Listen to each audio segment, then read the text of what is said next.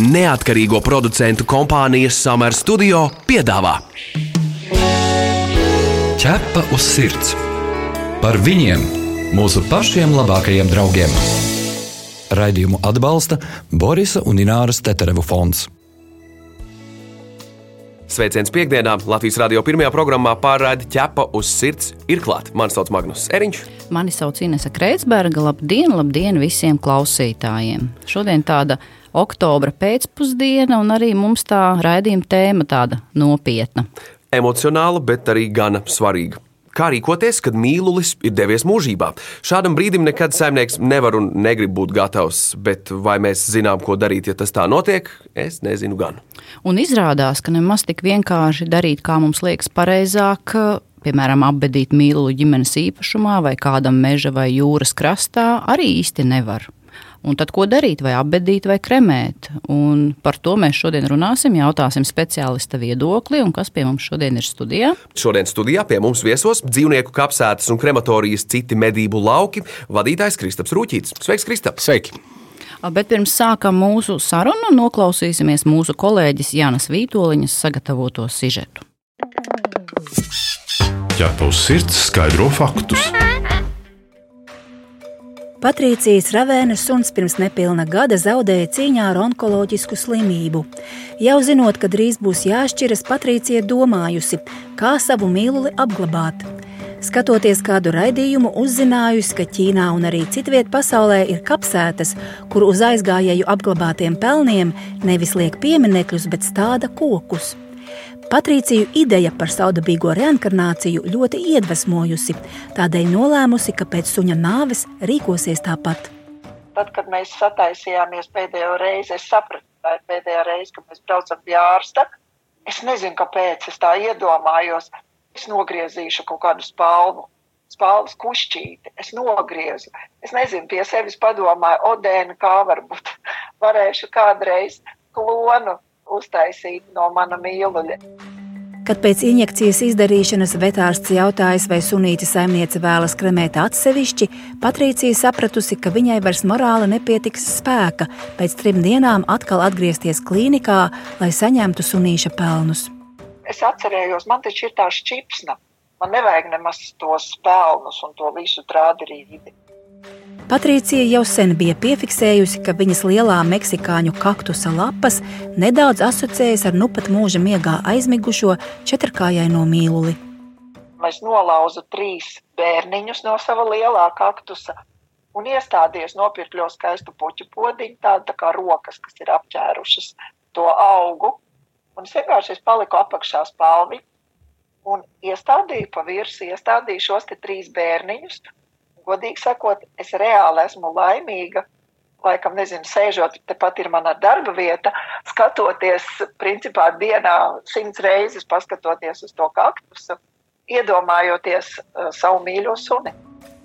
Līva Šmaukstele ar savu kaķu senioru devās pie ārsta, nenojaušot, ka kaķa veselības stāvoklis ir tik slikts, ka šis būs viņu pēdējais brauciens uz klīniku. Kad bijis jāizvēlas, ko ar mīluļa ķermeni darīt, saimniece pamatīgi samulsusi. Vēl joprojām Līva nevar pati sev atbildēt uz jautājumu, vai ātrumā izdarījusi pareizo izvēli, proti kopējo kremāciju.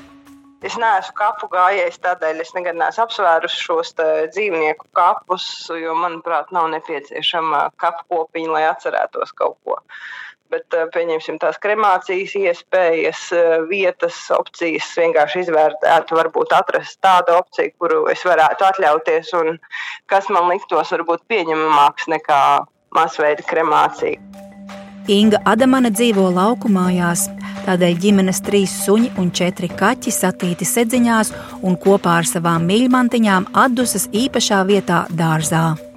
Dārzā mēs zinām, tur, kur ir tās ziemcietas puķas, konkrētajās vietās mums ir katram sunītam, katram kaķītim sava vietiņa. Un tad mēs vai nu pojienu esam uzstādījuši virsū, vai nu rododendru mēs esam uzstādījuši vietā, un tad mums uz Ziemassvētkiem vēl ir arī tradīcija uzlikt svecīt un aizdedzināt. Mūsu pēdējais sunīts ir tāds, ka nu, viņam īpašā vietiņa, tur, kur viņš gulēja, tur mājās ir pie sienas, mums ir fotografija.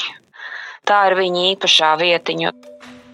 Ir trīs veidi, kā Latvijā saimnieki drīkst apbedīt savus mājdzīvniekus, stāsta PVD veterināro objektu uzraudzības daļas vecākais eksperts Ainārs Uljans.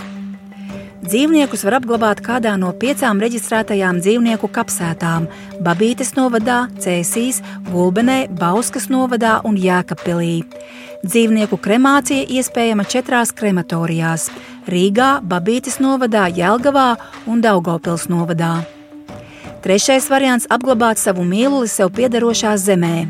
Tiesa arī tad, ja mājdzīvnieku atdusas vieta ir izvēlēta saimnieka dārzā, ir jāievēro virkne nosacījumu. Vietai ir jābūt norobežotai, tā nedrīkst būt lauksaimniecības zeme un publiski pieejama vieta, kā arī daudz dzīvokļu namam pieguloša teritorija. Tāpat savus kaķus un suņus privāti īpašumā nedrīkst apglabāt līdzās dažādām ūdenstilpēm un vietām, kur tiek ņemts dzeramais ūdens. Līdz ir jāprok vismaz vienu metru dziļumā, ja likumdošanā ir pateikts uzbarot vismaz vienu metru biezu zemes kārtu. Un vēl viens būtisks nosacījums šajā apakšanas vietā ir aizliegts uzlikt pieminekli. Ainārs Uljans skaidro, ka pārtikas un veterinārais dienests mēdz saņemt sūdzības par privātās teritorijās nepareizi izdarītiem dzīvnieku apbedījumiem. Ja dienests pārkāpumu fiksē, saimniekam tiek dots laiks apbedījuma vietu sakārtot atbilstoši noteikumiem. Ja tur ir uzlikts piemineklis, teiksim, tas piemineklis ir jānovāc. Ja viņš noteiktajā laikā šo pārkāpumu nebūs novērsis, tad viņam tiek uzlikts sots. Un tas sots ir sākot no 50 eiro līdz pat 10 tūkstošiem eiro. Turklāt šo sodu var uzlikt nu, katru nedēļu. Kāpēc gan likumdevējs ir aizliedzis privātmājas dārzā uz mīluļa atdusas vietas uzlikt pieminekli, PVD pārstāvis nemācēja paskaidrot. Ķepa uz sirds - jautā ekspertam. Nu, jā, dažāda pieredze cilvēkiem bijusi, bet kopējais noskaņojums ir tāds, ka īstenībā cilvēks nemaz nezina, kā rīkoties. Jo bieži cilvēkam ir savs īpašums, izvēlas mīluļus apbedīt tur, bet pavisam nesen arī uzzinājām, ka Latvijā iespējama dzīvnieku kremācija. Kristap, varbūt pastāstiet, ko cilvēks var darīt, ja mīlulis aiziet mājās, un ko darīt, ja tas notiek pie vetārsta. Abos gadījumos var gan apglabāt, gan kremēt. Tā ir tīra brīva izvēle, tāpat kā cilvēkiem. Principā dzīvnieku apbedīšana neko neatšķirās no cilvēka apbedīšanas. Vai es, piemēram, vēlos pēc nāves, lai mani kremē, citi vēlās, lai viņus uh, aprok kapos. Starp citu, jā, kremācija ir kļuvusi populārāka nu, cilvēku vidū. Nu, tomēr jau nu, tā kā cilvēki vietas biežāk trūkst, izvēlas. Vienkārši ļoti racionāli vietas trūkst. Bet vai cilvēki arī tagad vairāk interesēs par kremāciju, nevis par apbedīšanu? Jāteic, mums krematorijas, citos medību laukos, krematorija ir bijusi vairāk kā gadu. Nu, es nevaru pateikt, kas bija pirms tam, jo mums viņas nebija tie klienti, kas mums uh, bija, tie, tos interesēja tikai un vienīgi apbedīšana. Bet arī šobrīd ir tā, ka uh, citos medību laukos mēs nokremējam, un ir cilvēkiem, piemēram, tur desmit kaķi. Nu, viņš nevar fiziski tajā vienā vietā aprakt tos desmit kaķus. Tad mēs vienkārši mazas urniņas nokremējam, un ar mazu urniņu viņu tajā vietā arī aprokam. Arī šāda opcija tev ir iespējama. Kā tāda. Bet pirmie, ko jūs uh, minējāt par apglabāšanu mājās, nu, mēs saņemam vairākus zvanus gada laikā par to, ka cilvēki pārdod īpašumu. Par to, ka lūdzu atbrauciet un izrociet. Mēs to vairs nedarām. Mēs cilvēkam iedodam līdzi, lai es neiebrauktu kaut kādos šausmu stāstos, kā tas viss izskatās un kas tur ir. Bet mēs iedodam zārku līdzi, viņi saliek mirstīgās atliekas un, un, un zārciņā, un tad brauc pie mums, un tad mēs uh, to abidam. Pagaid, pagaid, cilvēks reāli ir gatavs ārā ļoti daudz. Tas ir pie, gadā ir. Nu, es domāju, ka gadu laikā pieci jauni klienti tādi ir. Bet viņi pārdod to īpašumu, vai arī izdomājuši tur rakt basēnu. Nu, viņi zina, ka tur viņam piemēram divi suņi ir. Nu, tā reāli notiek. Bet uh, sižetā mēs dzirdējām, ka tā īstenībā nedrīkst darīt. Tā nevar ņemt un apglabāt savu mīluli savā dārzā. Uh, kāpēc un vai kāds to kontrolē? Uh, mēs uh, domājām par PVD inspektoriem, kas mēra kapa dziļumu un pārbauda citas prasības. Kā, tā, kā tas varētu izskatīties? Nu, redz, vakardien, kā reiz pie maniem bija PVD pārbauda mūsu kapos un krematorijā katru gadu brauc un, un, un inspicē mūs. Nu, protams, ka nav. Nu, ja kaimiņš redzēs, ka tu aproc pie viņa sētas suni, viņš var izsaukt pašvaldības policiju, un, ja es nekļūdos, pirmo reizi sots ir 270 eiro, ja es nekļūdos.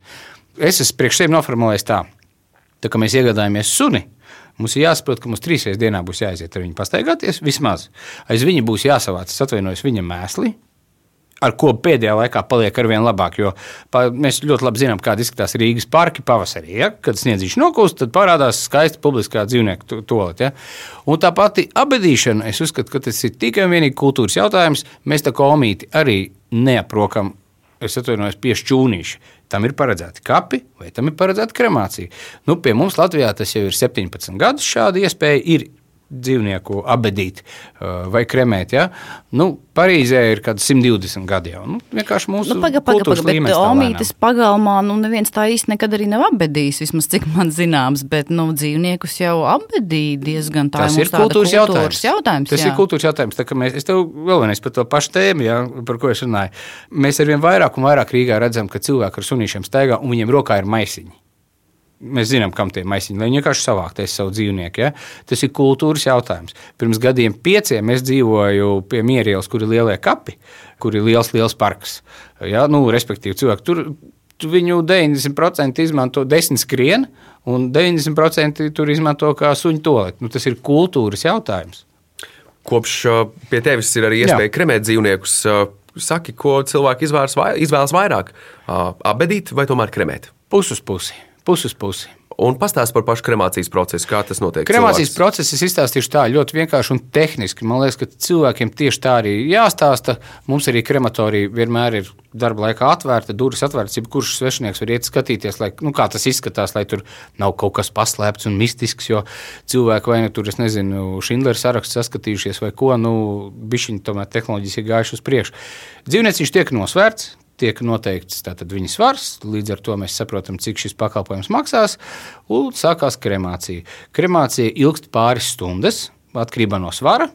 Un maksimums, ko jūs saņemiet atpakaļ, pīšļus. Latviešu valodā pareizāk būtu teikt pīšļus, nevis pelnus, jo ar pelniem tur nav nekāda sakara. Pīšļi ir 5% no jūsu mīļu svara. Tātad, ja jums suns bija 100 kg, kas ir šausmīgs retums, tik liels suns, nu, tad tie būs 5 kg atpakaļ. Jā, bet rēķiniet, ja kaķis ir 4 kg, nu, tad tur tāda trešdaļa no cigarešu paciņas ir. Nu, lūk, un tad uh, šos pīšļus var saņemt urnā, apglabāt uh, Nu, Mēs, kapos atdod, mēs atdodam atpakaļ urnā, un urnu jau tu vari glabāt, kur tu gribi. Principā. Jo urna eh, pīšļi ir sterili, un eh, urniņi pēc kāda laika eh, sadalīsies, un viņi nenodara dabai nekādu kaitējumu. Bet um, nu, tava pieredze liecina par to, cik cilvēki vispār ir adekvāti šajā situācijā, kad ir ļoti smagi tomēr pēc tā mīluļa nāves, vai viņi tomēr gaida to palīdzību un risinājumu, vai viņi tomēr tajā afekta stāvoklī arī zina, ko viņi grib. Kā tu ar tiem cilvēkiem strādā? Tie ir ļoti, ļoti pareizi noformulēti, kā es ar viņiem strādāju. Mans galvenais uzdevums ir, lai tam cilvēkam būtu pēc iespējas vieglāk. To izdarīt ātri, tehniski, cik nu smuki iespējams, uh, lai, lai, lai viņš nepārdzīvo. Ļoti bieži cilvēki pēc tam ienāk, uh, pēc, vai nu pēc apbērēšanas, vai nu pēc kremācijas, ienāk un pasakā paldies, ka viņiem kaut kā vieglāk ir kļuvis. Es zinu, par ko mums jārunā. Ir, varbūt es tagad nestāstīšu gluži radio, bet, bet es cenšos, lai viņš. uh, Tā ir tīra cilvēka psiholoģija. Es cenšos, lai viņš, lai viņš justos labi, lai viņš mazliet aizmirstos. Varbūt es viņu nemēģinu viņam prasīt par ziemas riepu, riepu cenām, bet uh, es zinu, kā ar cilvēku parunāt, lai viņš stāstot par to savu sunīti, ko viņš ir atvedis. Lai viņš varbūt pat pasmiesies pie tā galda, pie maniem, kamēr mēs rakstīsim dokumentāciju. Ja? Lai gan tikko viņš būtu raudājis. Cilvēki ir ļoti, protams, sašutuši. Jo tie bišķiņi pakāpjoties atpakaļ. Mēs jau cilvēki esam egoisti. Mums jau tas dzīvnieks ir vajadzīgs. Mums jau ir vajadzīgs tas draugs. Tāpēc jau mēs to dzīvnieku nopērkam. Un tad tu pēkšņi pēc gadiem, 10, 15, esi zaudējis to. Es esmu ievērojis, ka divi cilvēki ir kaķveida cilvēki un suņu cilvēki. Ja? Suņu cilvēki pārdzīvo vairāk, tāpēc, ka suns ir bērns. Suns ir nevarīgs bez cilvēka. Vienalga, vai viņam ir astoņi gadi, vai viņam ir astoņi mēneši. Suns ir trīsreiz jāvada laukā, sunim ir jādod trīsreiz dienā ēst, jo kaķi to var atstāt uz četrām dienām. Kaķim ir pilnīgi vienalga, vai tu esi mājās vai nē. Es jau nesaku, ka tā mīlestība ir mazāka, bet tā kā tev ir kontakts ar suni vairāk dienā, Tad cilvēki reāli fiziski jūt, ka tas, Jā, tas, nu, tas ir bērns. Nu, tas ir šausmīgi izklausās, bet e, tā ir tāda sajūta, ka viņi glabā savus bērnus. Tu esi mans draugs, ķepus sirds. Par izmaksām. Kāda ir summa, ar ko rēķināties? Skatoties, kāds ir pakalpojums, vai no apbedīšana, vai kremācija. Kremācija, kā jau minēju, tas ir atkarīgs no dzīvnieka svara. Savukārt apbedīšana ir sākot no 30 eiro.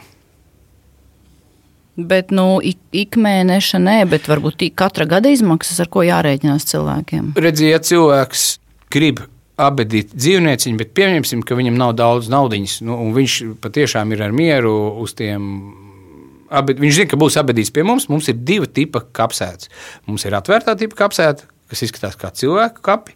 Mums ir slēgta tipa kapsēta, kas ir nožogota teritorija, apsargājama ar video novērošanu, kur ir kopējais kapiņš, kur mēs glabājam sunīti, blakus kaķīti, putnu. Roni, stirnu, visu, visu dzīvnieciņus. Ja? Tur ir lūk, pa 30 eiro. Viņš atnāk, saglabā, tas ir samaksā mums, mēs noglabājam viņu mīlu, mūsu attiecības beidzās. Uh, runājot par cilvēkiem, kas varbūt ir jāzina cilvēkiem, uh, ko tu varbūt gribi ieteikt no savas puses? Nu, es domāju, to, ka elementāras lietas, piemēram, ka nu, dzīvnieks ir neglābjams slims un būs šī iemidzināšana un, un būs tās bērns, nu, viņa klātbūtnē par to nerunāt. Jo nu, kāpēc nodarīt sev pāri un arī savam mājdzīvniekam? Vai tev ir vēl kāds ieteikums? Mans ieteikums ir, uh, ņemot dzīvnieku, apzināties, ka tas kādreiz beigsies un, un, un laicīgi par to domāt, laicīgi padomāt, lai nav tā, ka tu esi tik sašutis. Protams, ka tu esi sašutis, tā kā tavs mīlestības aiziet, bet tu viss, un tu vairs nezini, ko darīt. Es ieteiktu jau laicīgi, lēnām par to padomāt, pameklēt, kādi ir iespējas. No dzīvnieciņa cilvēcīgi atvadīties, vai viņu apbedīt, vai kremēt. Vienkārši sagatavoties lēnām tam laicīgi, lai tas nav tā, ka nu, tev 13 gadus tas kaķis ir slims, nu, tad tagad tu brīnies, ka viņš ir nomiris un tu nezini, ko darīt. Nu, vienkārši pameklēt, lēnām, lēnām tam pagatavoties. Jā, bet tikai to neapspriest nu, mīluļa klātbūtnē. Viņi taču visu dzird un saprot. Tas, man liekas, arī ir ārprāts, ko cilvēki dažkārt dara. Es esmu dzirdējusi. Dzīvnieki ir gudrāki un viedāki par cilvēkiem. To es jums garantēju. Jā, mēs tam piekrītam par to, bet ir skaidrs arī viens, nu, ka cilvēki negrib, nu, negrib domāt par to brīdi, kas var pienākt. Nu, es jums pateikšu godīgi, nu, negrib neviens būt gatavs un neviens īpaši Protams, ka negatavojas. neviens. Te atkal ir tas cilvēka mūsējais egoisms. Saprot, mēs, mēs zinām, Imants Ziedonis saka, ka ne jau mēs pie kapa stāvam un raudam par to aizgājēju, mēs jau raudam par sevi. Un šis ir tieši tas pats stāsts. Mēs raudam, ka, redz, ka mums ir kaut kas no, noņemts. Bet tam sunītam nu, beidzot ir laiks, viņš 23 gadus ir nodzīvojis. Viņam beidzot ir laiks likt mierā dzīvošanas padarīšanas. Bet man ir jautājums, vai varbūt ir bijuši tādi gadījumi, kurus tu zini, kad saimnieks aiziet mūžībā drīz pēc mīluļa nāves, jeb otrādi? Es zinu abus divus gadījumus. Vari pastāstīt? Nu, jācer uz ļoti labiem eh, radiem. Jāceļ uz ļoti eh, labiem radiem, kas to sunītu vai kaķīti paņems sev. Starp citu, bija maz atkāpīti veci cilvēki, kas pie mums, nu, cilvēki gados, eh, pie mums, kas apglabā savus dzīvnieciņus. Ir viens brīdis, kad viņi saka, nu jau vairāk es neņemšu dzīvnieku. Es saku, nu, kāpēc? Jums būs trīs reizes dienā jāiet ārā. Viņš saka, nē, nē, nē. kurš uzņemsies atbildību par viņu pēc tam, kad es vairs nebūšu. Redzi, šis ir brīdis, kad tas vecais cilvēks saprot, ka viņš ir jāuzņemās atbildība. Nu, iespējams, ka viņš redz tos savus radus, kādi viņi ir. Nu, kurš pēc tam par to suni tur pa- parūpēsies? Viens variants ir, ja nomirst saimnieks, saimnieks saprot, ka viņš drīz nomirs pats. Man atbilde ir tāda, mums ir klienti, kas brauc uz kapiem katru dienu. Katru dienu atbrauc un apkopā vietiņas, tāpēc, ka lūk, tās ir tā viņa tā milzīgā sāpe. Un tu liekas, kā tas ir? Tu katru dienu brauc uz skapiem. Nu, viņš brauc kādu gadu, stabili katru dienu. Vienalga, tu jau sāc 12. skatīties, kāpēc šodien viņš nav viņš atbrauc pēc piecām minūtēm. Tu jau atbildēji uz to jautājumu, ko nu pat gribējām uzdot, cik bieži cilvēki nāk pie sava mīluļa kapa un kādi varbūt bijuši aizkustinošākie gadījumi. Varbūt atved citu mīluli, iepazīstina ar pēcteci, tā kā godājot iepriekšējo. Ļoti bieži cilvēki brauc jau ar jauniem sunīšiem.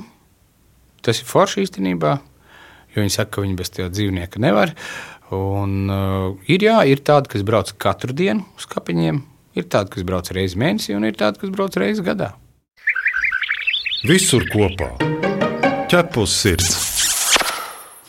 Nu, tāds filozofisks jautājums. Tu, tu jau redzi nu, tos cilvēkus, kur atvadās no saviem mīluļiem. Nu, kā ir, ja tā godīgi jāsaka, vai nav tā, ka atvadoties no sava dzīvnieka kapos ir redzētas lielākas ciešanas nekā tad, eh, ja to var redzēt kāda cilvēka bērēs. Jo, jo redz, kas ir, jo dzīvnieka bērēs jau klāt ir paši, paši tuvākie, kam tas dzīvnieks ir bērna vietā, tuvāks par jebkuru citu ģimenes locekli, bet atvadoties no kāda cilvēka, bieži tas ir ķeksīts, ko kāds ir atnācis pavadīt. Simtprocentīgi tev piekrītu, atvadoties no cilvēka, bieži vien eh, tas patiešām ir ķeksīts, un man nesaprotams, kāpēc jāiet 300 cilvēkiem uz inženieru bērniem, bet nu, labi, tas tā varbūt viņš bija izcils inženieris. Bet uh, dzīvnieku bērēs patiešām cilvēki pārdzīvo krietni vairāk, un arī atstājot uz kremāciju, dzīvnieci cilvēki pārdzīvo krietni vairāk. Viņš ir. Tur nevajag aizmirst to, ka saku, viņi glabā savus bērnus. Tieši tāda tā ir. Tik liels ir tas pārdzīvojums, vai nu vienam tā ir traģēdija, vienam tas ir bijis mierīgāk. Jā. Nu jā, bet par to arī ir mūsu raidījums par dzīvniekiem, kas mums ir ģimenes locekļi. Nu, Savādāk mums nevar. Kad atbrauc uh, kungs ar sievu un diviem dēliem, un dēliem jau tā, tu pie 50, kungs ļoti zolīdos gados, un apglabā savu suni, un pēc tam viņš ienāk man pasaka paldies, un, un, un, un viņš saka, zini, baigi nožēlojams skan, bet tas tuvākais, kas man ir bijis tagad. Dzīvā radība, kas ir bijis tuvākais, un tu domā, nu, labi, to sievietes vēl saprot mazums, kas kā dzīvē notiek. Bet tev tā kā vēl divi dēli ir. Kā, tev tā noteikti ir vedeklis un mazbērni.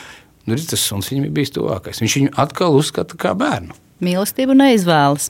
Mhm. Tas tiesa. Bet vai es dzirdēju kādreiz no cilvēkiem, kas saka, ka apbedīšana tā varbūt ir tāda zīmēšanās, tāda statusa parādīšana? Jā, esmu dzirdējis. Ko tu vari teikt par to? Esmu, ko es varu teikt? Man ļoti žēl, ka jūs neesat izbaudījuši mīlestību, ko jums var dot dzīvnieks. Atgādinām, ka pie mums šodien studijā ir Kristaps Rūķītis, citi medību lauki direktors, un runājam par to, kā pavadīt mīluli mūžībā. Atgādinām, ka šo raidījumu jūs varat dzirdēt arī Latvijas radio arhīvā, jebkurā jums sev mīļā laikā, kā arī populārākajos straumēšanas servisos podkāstu formā. Tu pazīsti kādu īpašu dzīvnieku draugu?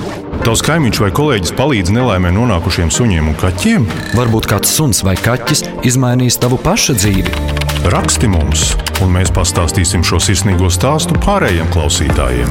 Iedrošināsim arī citus izdarīt kādu labu darbu. Gaidām jūsu vēstuli uz info atķepa uz sirds LV.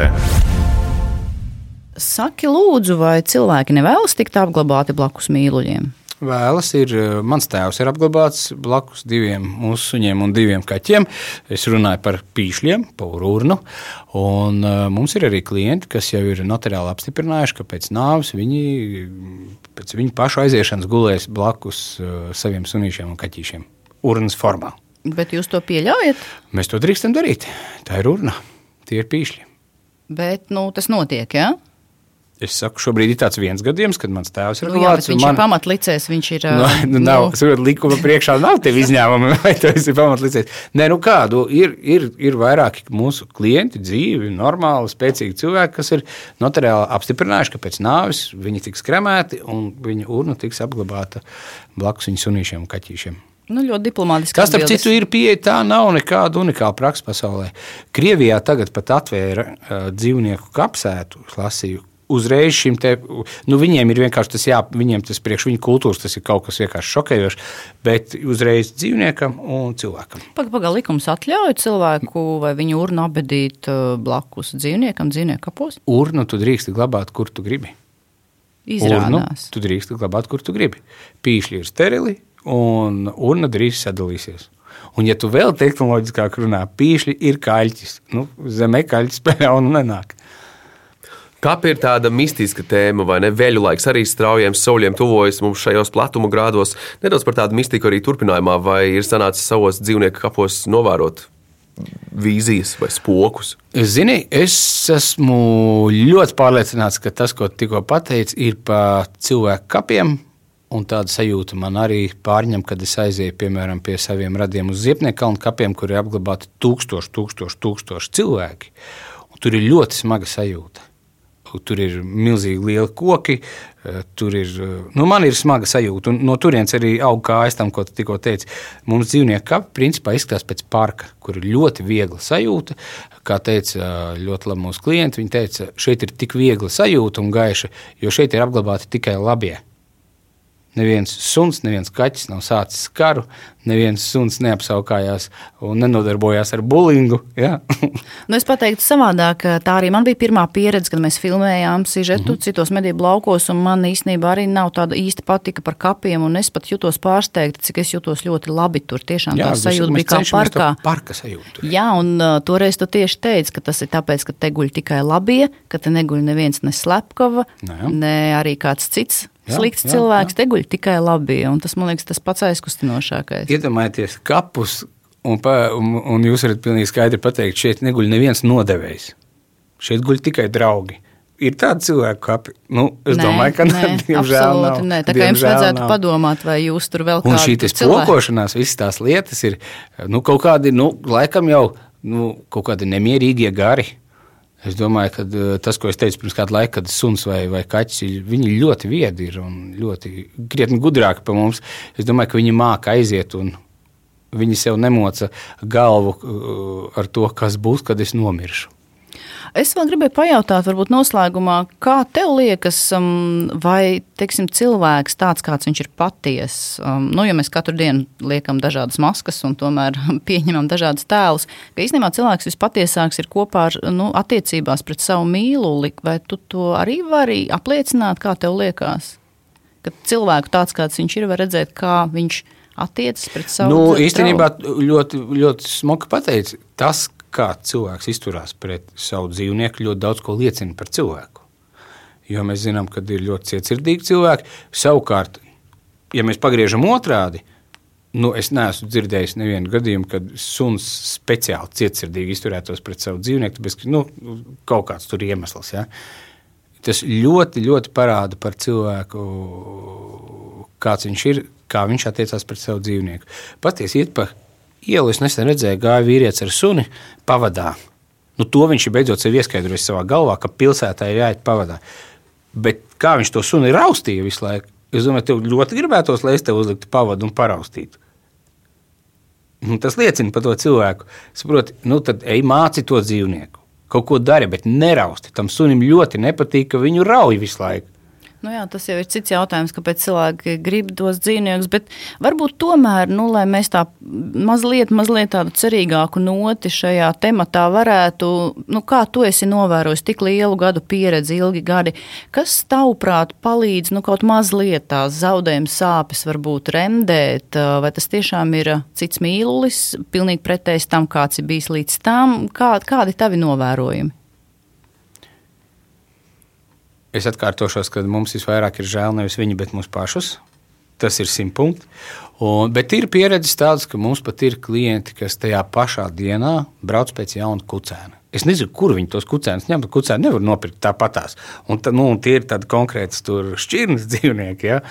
Kā kuram? Nu, ir cilvēki, kuri pasaka, nē, nekad, vispār nekad. Pēc pusgada atnāk ar kucēnu, apkopt kapiņus. Nu, ir tādi, kas pasakā, nē, nekad, nu, arī nekad arī nav. Tāpat kā pirmā mīlestība ir vissāpīgākā, jo viņi iegriež visdziļāk. Nu, tāpat tas uh, pirmais dzīvnieks ir uh, vissāpīgāk. Paldies Kristapam Rūķītim par sarunu. Nu, jā, tēma tāda smaga un nu, gatavoties, negatavoties, bet nu, novēlam, lai katram no mums šī šis gadījums pienāktu pēc iespējas vēlāk. Ja no tā nevar izvairīties, tad pēc iespējas vēlāk. Šķiet, šī radiopārraide varētu būt uh, tā, uh, viena no tām pārraidēm, kas uh, jau preventīvi ir darbojusies nākotnē par labu. Nu, mēs nedaudz jau visi sagatavojāmies dzīvnieku, mājdzīvnieku īpašnieku, noklausoties šo un piedaloties sarunā. Tu esi mans draugs, ķepus sirds. Jā, bet par ko mēs runāsim nākamajā nedēļā? Nākamajā nedēļā ļoti svarīga tēma, vai kaķim ļaut staigāt ārpus mājas, vai arī tas var apdraudēt viņa dzīvību. Jā, un kas tad ir ar to modes lietu? Kaķis pie pavadas, vai tā ir saimnieka iegriba, nu, vai to arī grib kaķis? Un vai kaķis var atnest mainniekam nu, peli, jā, vai arī kādu slimību? Par to diskutēsim nākamajā raidījumā. Bet šajā raidījumā tas ir viss. Mani sauc Inese Kreitsberga. Mani sauc Magnus Eriņš. Raidījumu veidoja neatkarīgo producentu kompānija Summer Studio. Visu labu! Atā! Ķepa uz sirds! Informatīvi izglītojoši raidījums par dzīvnieku pasauli un cilvēkiem tajā. Raidījumu atbalsta Borisa un Ināras Teterevu fonds.